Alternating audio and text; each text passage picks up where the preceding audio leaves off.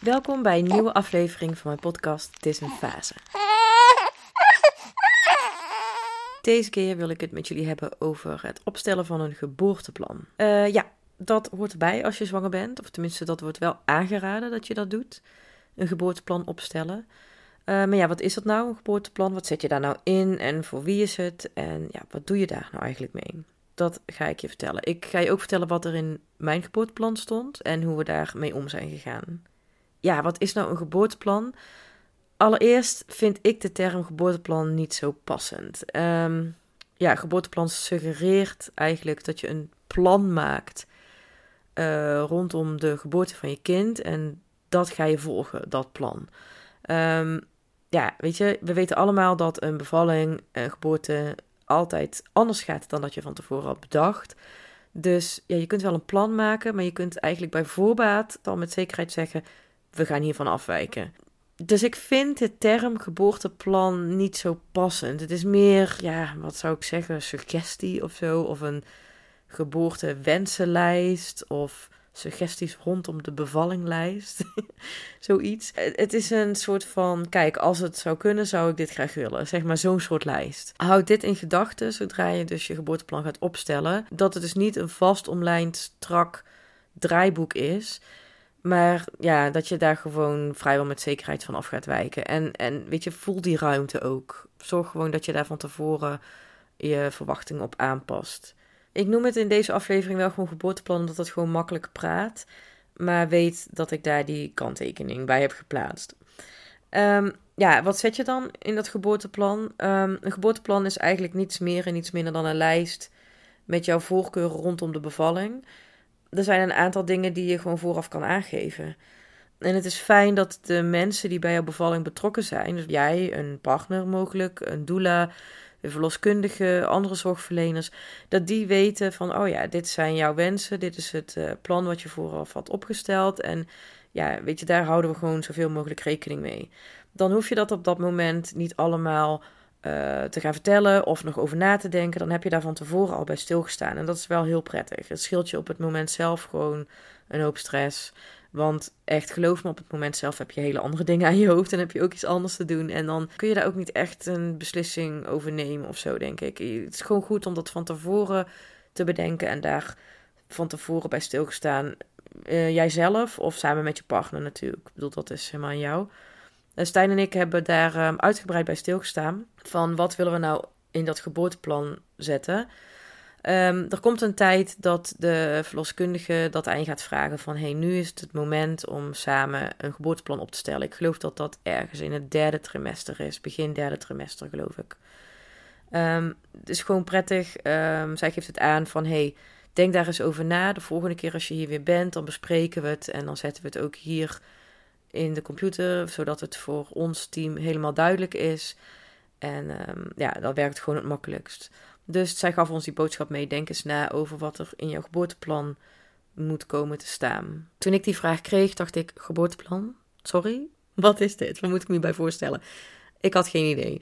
Dus ik heb gewoon letterlijk Google gepakt, geboorteplan ingetypt en gekeken wat dat dan inhield op verschillende sites. Dus zo kreeg ik een beetje een beeld van ja, wat een geboorteplan dan is en wat je daar dan zoal inschrijft. Eigenlijk stelt het ook niet zo heel veel voor, moet ik zeggen. Er zijn een aantal dingen die uh, van belang zijn en je kunt dat gewoon aanvullen met je eigen wensen. Nou kun je het natuurlijk heel gestructureerd aanpakken, zo'n geboorteplan maken. Je kunt alle wensen en gedachten die je over je bevalling hebt op papier zetten. Die bespreken met je verloskundige en daarna het uiteindelijke geboorteplan schrijven. Dus alles een beetje ordenen en dan wegstrepen wat niet kan of anders moet of in ieder geval dat en dan heb je uiteindelijk je definitieve plan. Je kunt het ook opdelen in rubrieken. Dus bijvoorbeeld communicatie. Hoe wil je dat er met je gecommuniceerd wordt met je? Of gebeurt dat via je partner? Of nou ja, alles rondom communicatie kun je dan bij elkaar zetten. Um, hoe wil je dat de omgeving eruit ziet? Dus waar ga je bevallen? Hoe ziet die ruimte er dan uit? Nou, daar kun je allerlei wensen voor papier zetten. Um, de bevalling zelf, dus bijvoorbeeld welke houdingen neem je aan? Iets over pijnbestrijding, nou, die zet je allemaal bij elkaar. En bijvoorbeeld na de bevalling, daar kun je ook al je wensen weer verzamelen. Dus dan heb je een heel mooi gestructureerd geboorteplan opgedeeld in onderwerpen. Ehm, ik heb het niet zo gedaan als op de eerste manier. Ehm, ik heb ook geen gestructureerd geboorteplan opgesteld. Nee, ik heb gewoon mijn telefoon gepakt, uh, de app notities geopend en daarin gewoon mijn gedachten onder elkaar gezet. Ik haal even mijn geboorteplan op bij. Ik ga nu letterlijk naar de notities in mijn telefoon en dan zoek ik mijn geboorteplan op. Is een beetje naar beneden geschoven. Ah, hier is hij. Ja, oké. Ik heb dus gewoon een lijst met, wat had ik opgeschreven? 1, 2, 3, 4, 5, 6, 7, 8, 9, 10, 11 punten. That's it. Dus ja, weet je, je kunt het gewoon op je eigen manier doen. Je kunt het zo uitgebreid en zo beknopt doen zoals jij wilt. Er zitten natuurlijk helemaal geen richtlijnen aan of wat dan ook, want het is gewoon jouw wensenlijst, jouw plan. En jij mag zelf weten wat je daarin zet natuurlijk. Er is ook geen geboorteplanpolitie die komt zeggen: hey, stop, deze is niet goed. Of dit moet je aanpassen. Nee, natuurlijk niet. Het is gewoon jouw plan. Schrijf gewoon op wat jij fijn vindt. ik eens voorlezen wat ik in mijn geboorteplan had staan. En ik kan daarna nog wel wat suggesties geven wat je er ook in zou kunnen zetten. Ik begin gewoon bij puntje 1. Die was meteen heel belangrijk voor mij. Daar staat bij bevalling baby bij de naam noemen. Ik vond die echt heel belangrijk, want het is namelijk zo. Eh, de naam Senna hadden wij al best lang van tevoren bedacht. Uh, ik kwam hem ergens tegen en ik uh, werd heel vrolijk bij het uitspreken van die naam en bij het horen van die naam. Ik, ik, ik, kreeg meteen een lach op mijn gezicht, mijn ogen begonnen te twinkelen, ik voelde me meteen helemaal blij. Dus ik dacht, oh, Senna is echt, dat is gewoon wow, dat vind ik gewoon een hele mooie naam. Gelukkig vond Stijn dat ook. En wij vonden het allebei heel tof dat het een naam was die zowel voor een jongen als voor een meisje zou kunnen. Dus ja, wij dachten, oké, dan zijn we gewoon klaar met Senna. Senna is gewoon de naam van ons kind. Dus dat was wel fantastisch. Dus die stond al heel lang vast. En wij hebben de baby uh, samen ook steeds Senna genoemd als wij het over ons kind hadden. Met z'n tweeën. We hebben ons ook echt mega veel versproken bij familie en vrienden. Niemand heeft dit opgemerkt. Dus um, echt, familie en vrienden, als jullie luisteren, super grappig. Want we hebben het echt heel vaak gezegd in jullie bijzijn. En niemand heeft die naam ergens uh, gehoord. Dus um, ja, daar zijn we goed weggekomen, vinden wij. Want wij hebben die echt tot het eind um, voor onszelf gehouden. Ik vond het wel een heel mooi iets dat dat nog even lekker van ons was. Uh, maar ja, goed, we hebben ons heel vaak versproken. Niemand heeft dat opgemerkt, dus dat was super grappig. En daardoor was dus ook de verloskundige een van de eerste mensen aan wie wij de naam vertelden. Want toen ik dus dit doorgaf aan de verloskundige van ja, ik wil graag dat bij de bevalling de baby bij de naam wordt genoemd.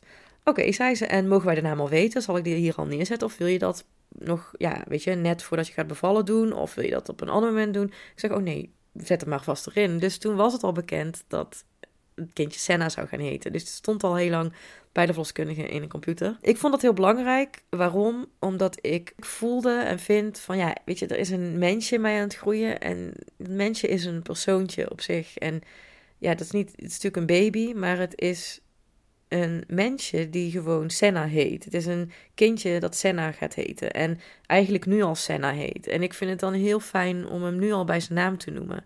Wij doen het al onderling en ik vind het dan helemaal fijn als hij geboren wordt. Dat het dan ook hey, daar is Senna. Of kom Senna, je bent er bijna. En oh, lieve Senna, dat iedereen ook hem meteen bij zijn naam noemt, bij Senna. Ik vond dat iets heel moois. Het is een eigen persoontje, het is een eigen mensje. En die heeft een eigen naam. En um, ik vind baby dan te, te algemeen, kindje ook te algemeen. Nee, dit is Senna. Senna komt ter wereld. Dus ik vond dat een hele belangrijke. Um, ik had dit ook niet ergens teruggelezen op internet bij andere geboorteplannen of zo. Dit was echt een hele persoonlijke wens van mij. En um, ja, daarom staat hij natuurlijk ook met stip op nummer 1.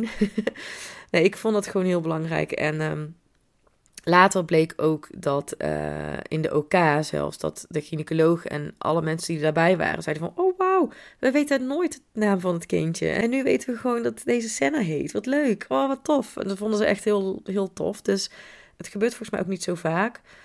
Maar ik vond dat zelf heel belangrijk. En um, iedereen heeft zich hier ook heel goed aan gehouden. Dus dat was heel fijn. Nummer twee, pijnbestrijding als het echt nodig is. Eerst een pijnpompje, dan ruggenprik. Ja, dat was een latere toevoeging, dat tweede zinnetje.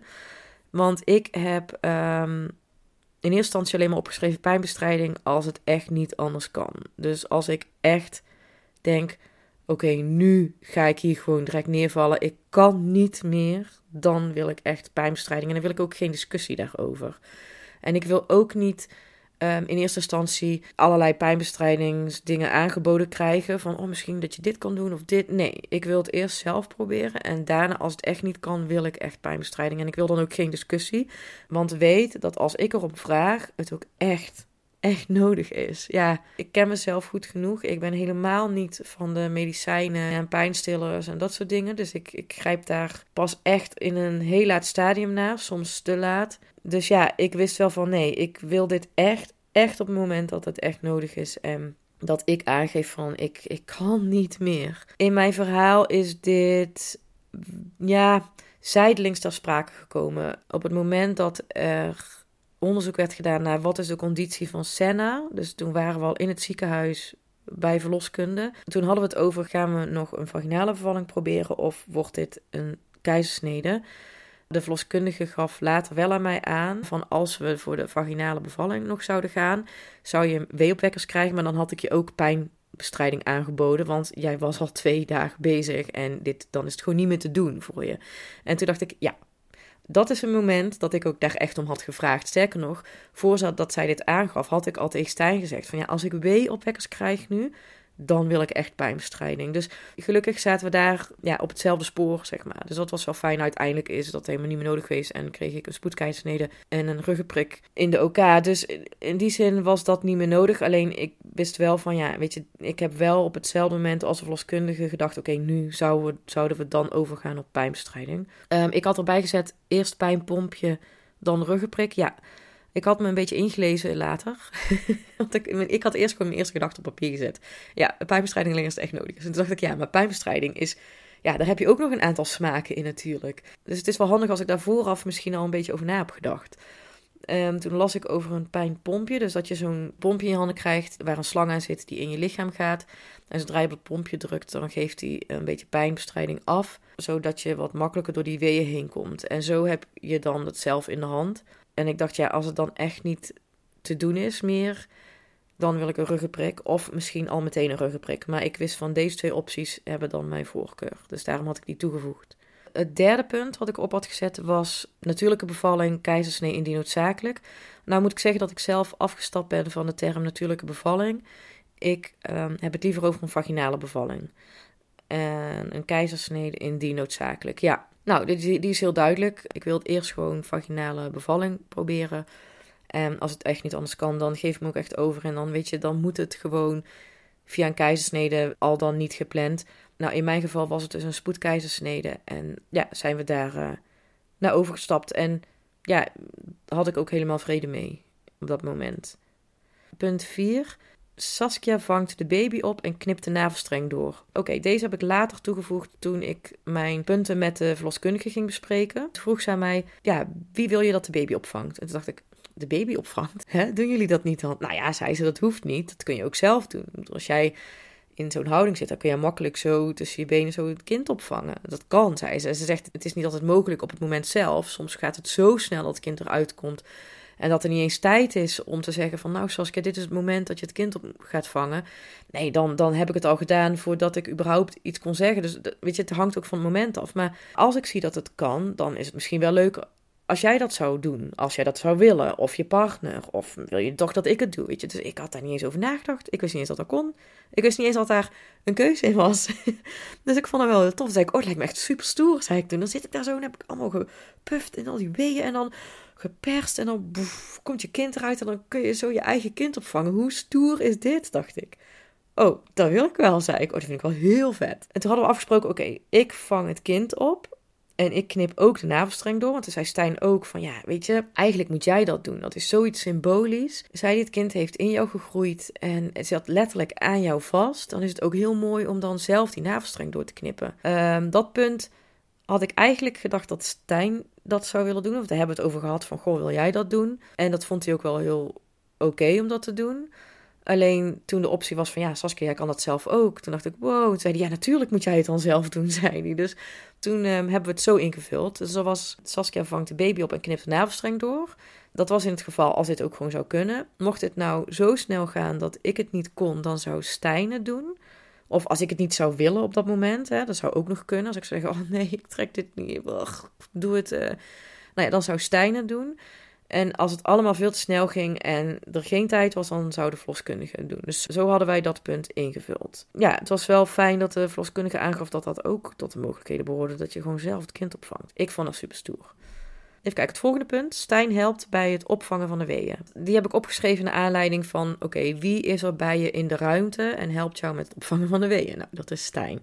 Want je kunt bijvoorbeeld ook een moeder of een vriendin of een vriend of je vader of andere familie meenemen of een doula erbij hebben die je door die weeën meeneemt. Eh, nou ja, weet ik veel wie je meeneemt. Dat is natuurlijk helemaal aan jou. Je kunt heel de familie binnenzetten als je wilt.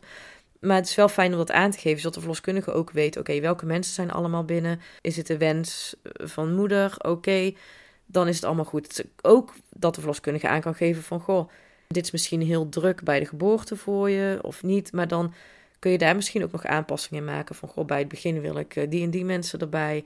Maar op het moment zelf wil ik echt alleen met mijn partner zijn. Dan eh, moet de rest even wachten. Dat kan hè. Ik bedoel, iedereen moet zelf weten wat hij wilt en wie hij erbij wilt hebben. ik vond het gewoon vooral belangrijk dat het rustig was in de kamer.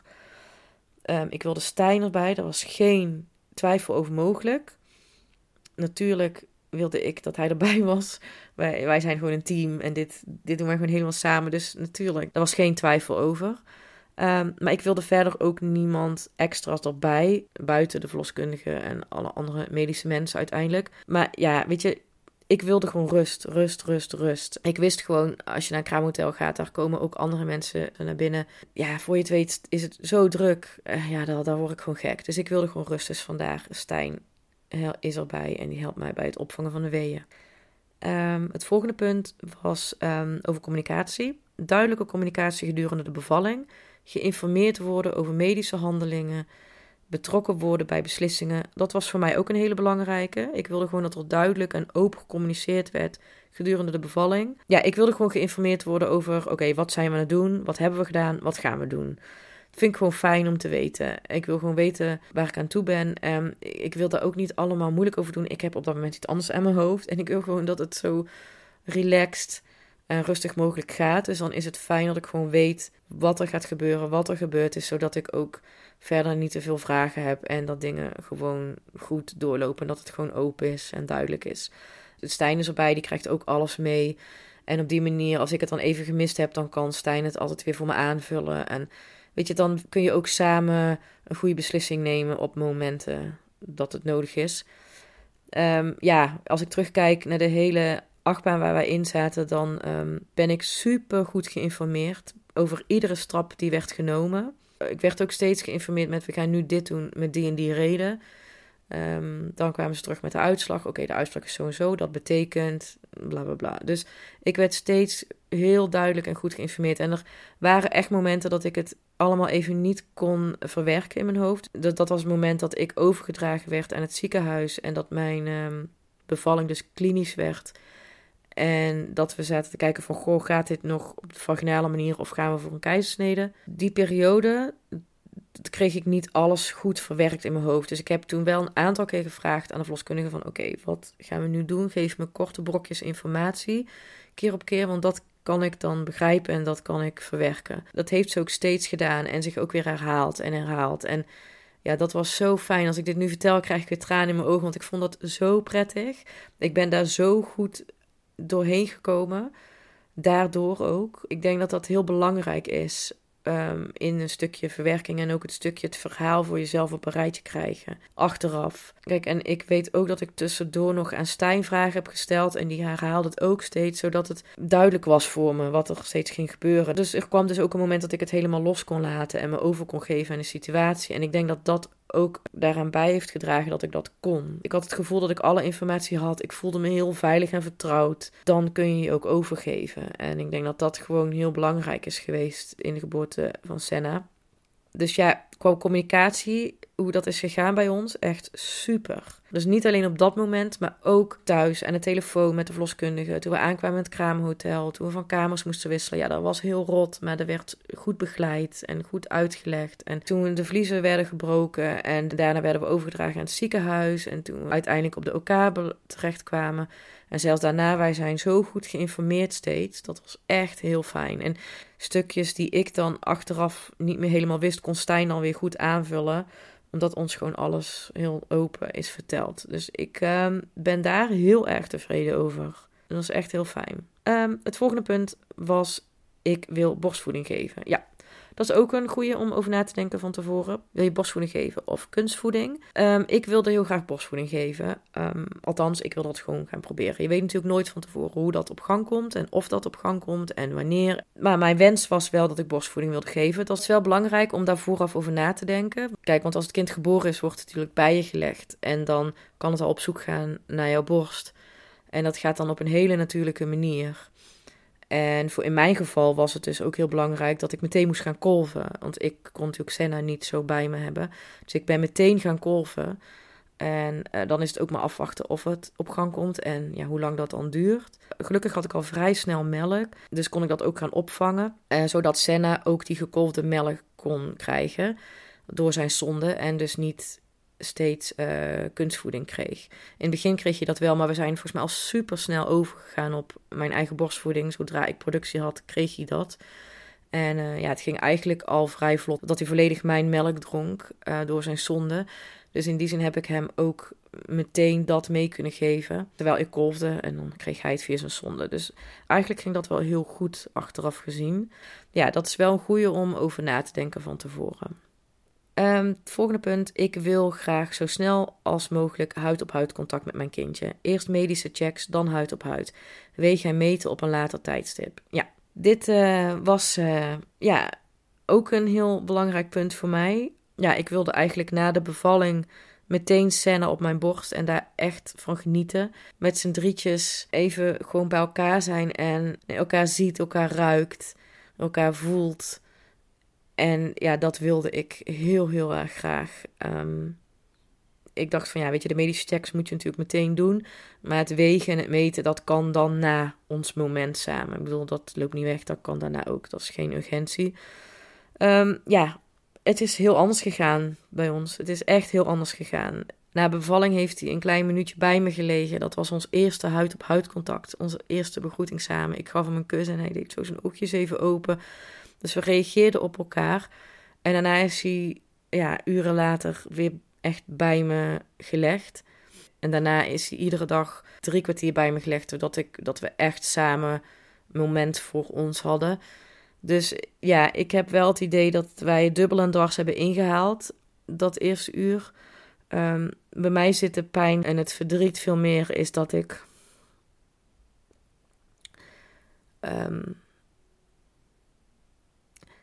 dat ik uh, heb moeten zien dat er gewoon zoveel mensen met Senna bezig waren. Wat allemaal nodig is en waar ik iedereen heel erg dankbaar voor ben. Maar ik spreek even vanuit dit punt wat ik nu bespreek op mijn geboorteplan, het huid-op-huid contact. Dus ik heb gezien hoe allemaal mensen met hem bezig waren, hem hebben geprikt, hem een navelijn hebben ingedaan, hem hebben gemeten en eh, plakkers op zijn hoofd hebben geplakt en met allerlei monitoren gelegd. Dat heb ik allemaal gezien en ik kon hem gewoon niet vasthouden, niet even troosten, niet zeggen, mannetje, het komt goed en mama's hier en papa's hier. En heb ik allemaal wel gezegd, maar ik kon hem niet even knuffelen. En dat vind ik echt heel moeilijk. Vind ik nog steeds heel moeilijk.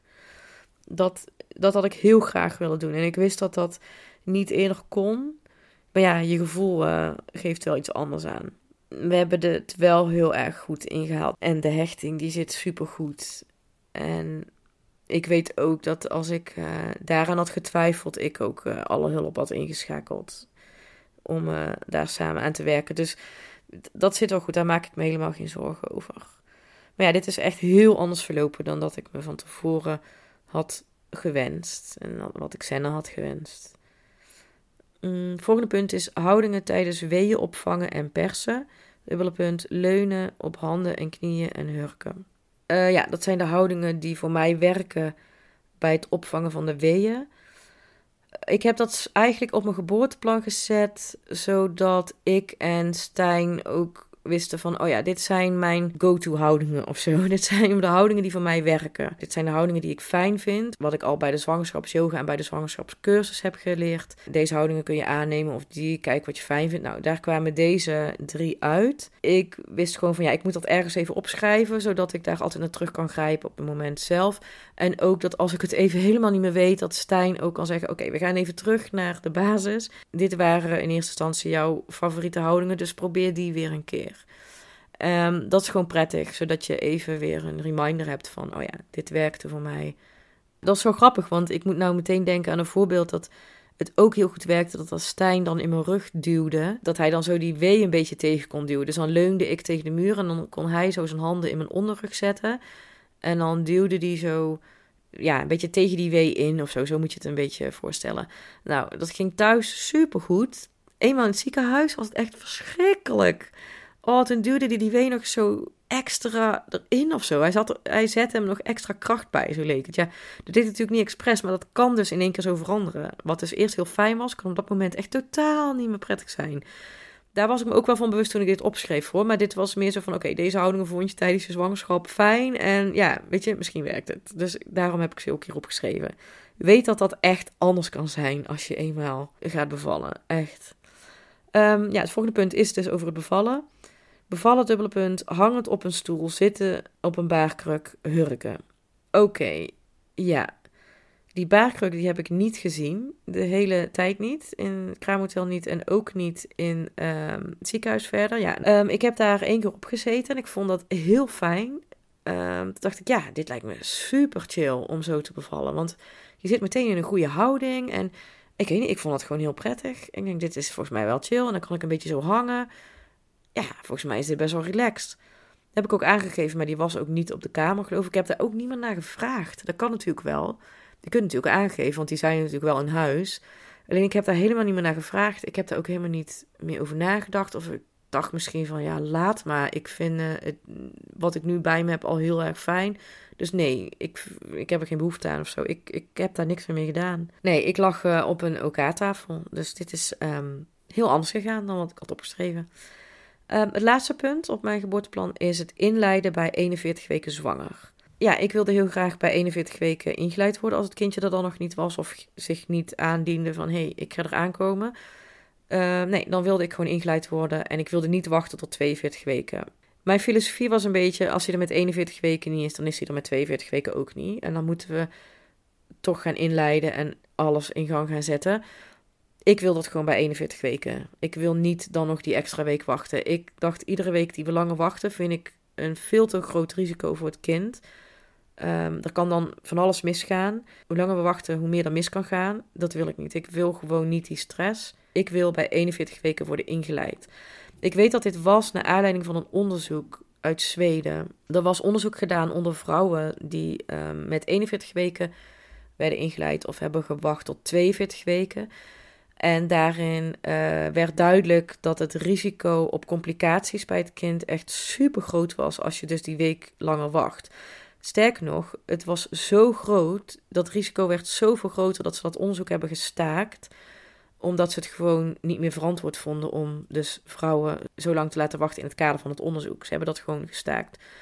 En ik had dat gelezen en ik heb het daar ook tijdens de zwangerschapscursus over gehad. Ik heb het daar ook met mijn omgeving over gehad en met verloskundigen. En ik zei van ja, ik wil gewoon dan ingeleid worden. 41 weken is mijn limiet. En gaan we gewoon proberen de bevalling in gang te zetten. Dat was helemaal niet aan de orde. Senna is met 38 weken en 6 dagen via spoedkeizersnede ter wereld gekomen. Hij diende zich aan met 38 weken en 4 dagen. Toen begonnen de weeën. Ja, twee dagen later is hij geboren. Dus dit was helemaal niet aan de orde. Um, ja, dit zijn al mijn punten op mijn geboorteplan. Ik zal eens even kijken hoeveel. 3, 6, 7, 8, 9, 10, 11 punten.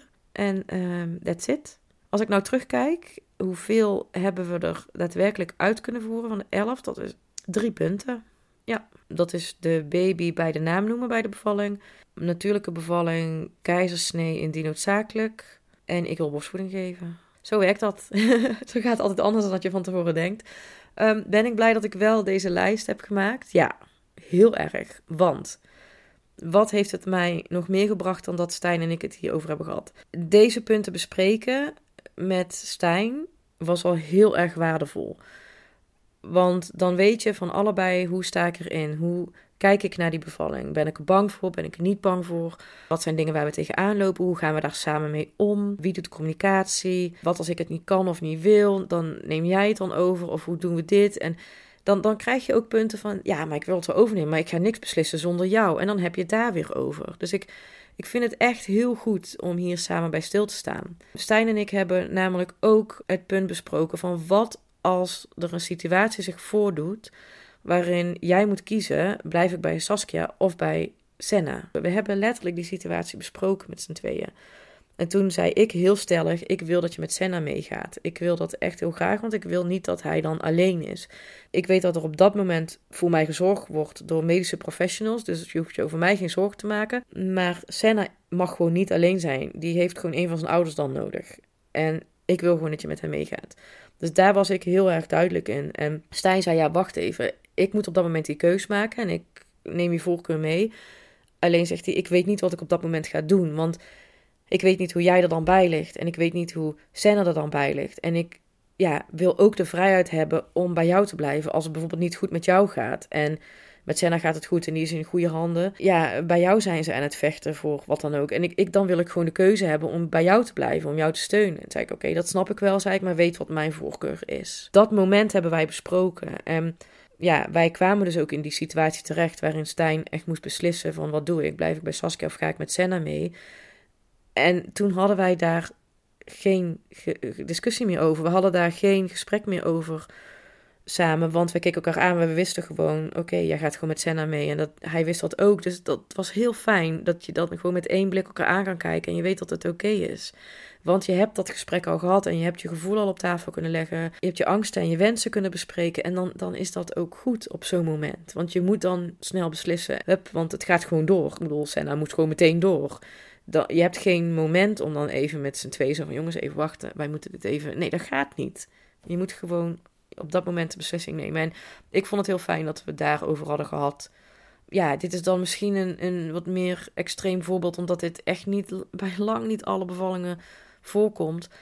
Ehm, maar bijvoorbeeld wel het opvangen van de weeën. Welke houdingen vind je fijn? Um, het is heel fijn als je dat niet allemaal meer uit hoeft te leggen, maar gewoon van tevoren al met elkaar hebt besproken en misschien al hebt geoefend. Zodat je op het moment dat die weeën er zijn, dat je echt daarop kan focussen. Dus het is echt heel goed om dit van tevoren samen te bespreken en daarbij stil te staan. Het heeft um, voor mij heel veel rust gegeven. En um, ja, weet je, gezien de achtbaan waar wij in zaten, was het ook fijn dat we sommige dingen van tevoren al hadden besproken. En omdat we dit zo hadden besproken, kon ik ook in de OK zeggen: ho, ho, wacht even, hij heet Senna. Dat hebben wij zo stellig vastgehouden. Overal waar wij naar binnen kwamen was, ja, hij heet Senna. Hij heet Senna. We noemen hem Senna. Want dan zeiden ze, oh, baby waaiers. Nee, Senna. Oh, dan ga ik het meteen veranderen hier op het bord. Dan hup, Senna waaiers. Weet je, omdat je dat van tevoren zo goed hebt doorgesproken met elkaar, zit dat zo in je hoofd, dat je dat gewoon meeneemt waar je dan ook terechtkomt. Ik ben heel blij dat we dit gedaan hebben. Want ook al ging heel de bevalling anders dan hoe wij ons hadden voorgesteld of wat we in het geboorteplan hadden opgeschreven, er zijn toch altijd punten in je geboorteplan die wel kunnen. Ik bedoel, je hebt gehoord wat voor bevalling ik heb gehad. Wat ik van tevoren voor geboorteplan heb gehad. Nou, meer dan de helft kun je overboord gooien. Maar toch zijn er punten die ik toch nog in die hele achtbaan heb kunnen meenemen. En dat vind ik heel fijn, want dan voelt toch echt zo van, oh ja, zo wilden wij dit graag. En ook al gaat alles anders, dat puntje is wel zo gegaan zoals wij wilden. En dat geeft je ook weer een beetje kracht. Het geeft je ook weer uh, dat jij de regie weer een beetje in handen hebt. Dus ja, dat zijn wel dingen die, uh, die gewoon heel belangrijk zijn. En achteraf vind ik het heel leuk, want dan heb ik nu een ervaring van, oh ja, en iedereen noemde hem wel Senna. In plaats van, oh ja, dat, dat ben ik helemaal vergeten te benoemen. Of, oh, dat had ik eigenlijk wel gewild. Weet je, het is toch een ander gevoel achteraf. Dus ja, dat wil ik meegeven. Het is gewoon heel goed om daarbij stil te staan. Kijk, je, kunt natuurlijk nog allerlei dingen toevoegen aan die hele lijst. Bijvoorbeeld, wat moet er met de placenta gebeuren? Ik weet dat wij daar het wel over gehad hebben met verloskundigen, maar wij wilden daar verder niks mee doen. Dus daarom stond dat ook niet in ons geboorteplan. En de verloskundige heeft alleen een aantekening gemaakt, geloof ik, of nog niet eens. Dat weet eigenlijk niet eens van de placenta. Blijft daar of zo. Ik weet niet wat ze heeft geschreven. In ieder geval, wij wilden daar verder niks mee. Tuurlijk kun je ook in je geboorteplan zetten. Placenta willen we niks mee. Dat kan. Wij hebben, ik heb dat gewoon niet gedaan. Ehm, wij kregen wel een vraag van wat willen jullie placenta hebben? Wat willen jullie daarmee doen? En die is opgestuurd voor onderzoek. En dat vind ik zelf heel fijn. Senna was gewoon heel klein bij de geboorte. En mocht daar nou iets uitgekomen zijn van waar dat dan aan zou hebben kunnen liggen, dan zou dat in de placenta te vinden moeten zijn, mogelijk. Ik heb in mijn geboorteplan ook niet gezegd waar ik wilde bevallen. Um, want ja, dat stond eigenlijk al vast toen ik bij de verloskundige binnenkwam. Ik geloof dat het eh, misschien het tweede of derde gesprek was. Ik wil graag in het kraamhotel bevallen. Dat heb ik gewoon gezegd en dat is toen daar genoteerd. En dan heb ik het verder losgelaten. Ja, het is wel iets wat je in een geboorteplan zet. Maar een geboorteplan maak je eigenlijk pas veel later in je zwangerschap. Dus ja, dan is het eigenlijk al bekend dat je in het kraamhotel wil bevallen of thuis. Of ja, daar wordt al veel eerder naar gevraagd. Je kunt natuurlijk nog veel meer dingen in je geboorteplan opnemen. Ik zou je heel erg willen aanraden om alle wensen die je hebt gewoon op papier te zetten. En bespreek het gewoon met je verloskundige. En vraag ook voor, goh, zijn er nog andere dingen waar ik over na kan denken voor mijn geboorteplan? Want weet je, ik wist niet dat ik ook mijn kind op kon vangen bij de geboorte. Ik wist dat niet. Ik had dat nooit geweten als een verloskundige dat niet tegen mij had gezegd. Dus ik zou echt je aanraden om alles op papier te zetten. Denk niet meteen van, oeh, dit zou wel niet kunnen. Nee, schrijf gewoon alles op. Bespreek het gewoon met je verloskundige. En um, ja, dan komt er voor jou echt wel een mooi plan uit. En echt, hou daarbij in gedachten dat het een, ja, een wensenlijst is. Het is geen strak draaiboek. Je geeft gewoon aan wat jouw voorkeuren zijn op het moment dat je gaat bevallen. En dan kan er zoveel mogelijk rekening mee gehouden worden. En weet ook dat hoe anders de situatie ook kan zijn op het moment zelf, dat er altijd dingen in je geboorteplan staan die wel door gaan kunnen vinden. Jouw wensen zijn niet meteen van de baan als dingen anders lopen. Dus onthoud dat goed. En het is gewoon heel goed om daar samen over te praten met degene die bij je bevalling is. Dat is gewoon heel fijn. En ehm, zo kun je ook al een beetje naartoe leven. En ook al uh, echt uitkijken naar je kindje. Heel veel succes met het opstellen van je geboorteplan. Hopelijk heb je iets aan mijn tips gehad. Dankjewel dat jullie er weer bij waren allemaal. En uh, ik zie en hoor jullie graag de volgende keer weer. Dank jullie wel. Doei doei.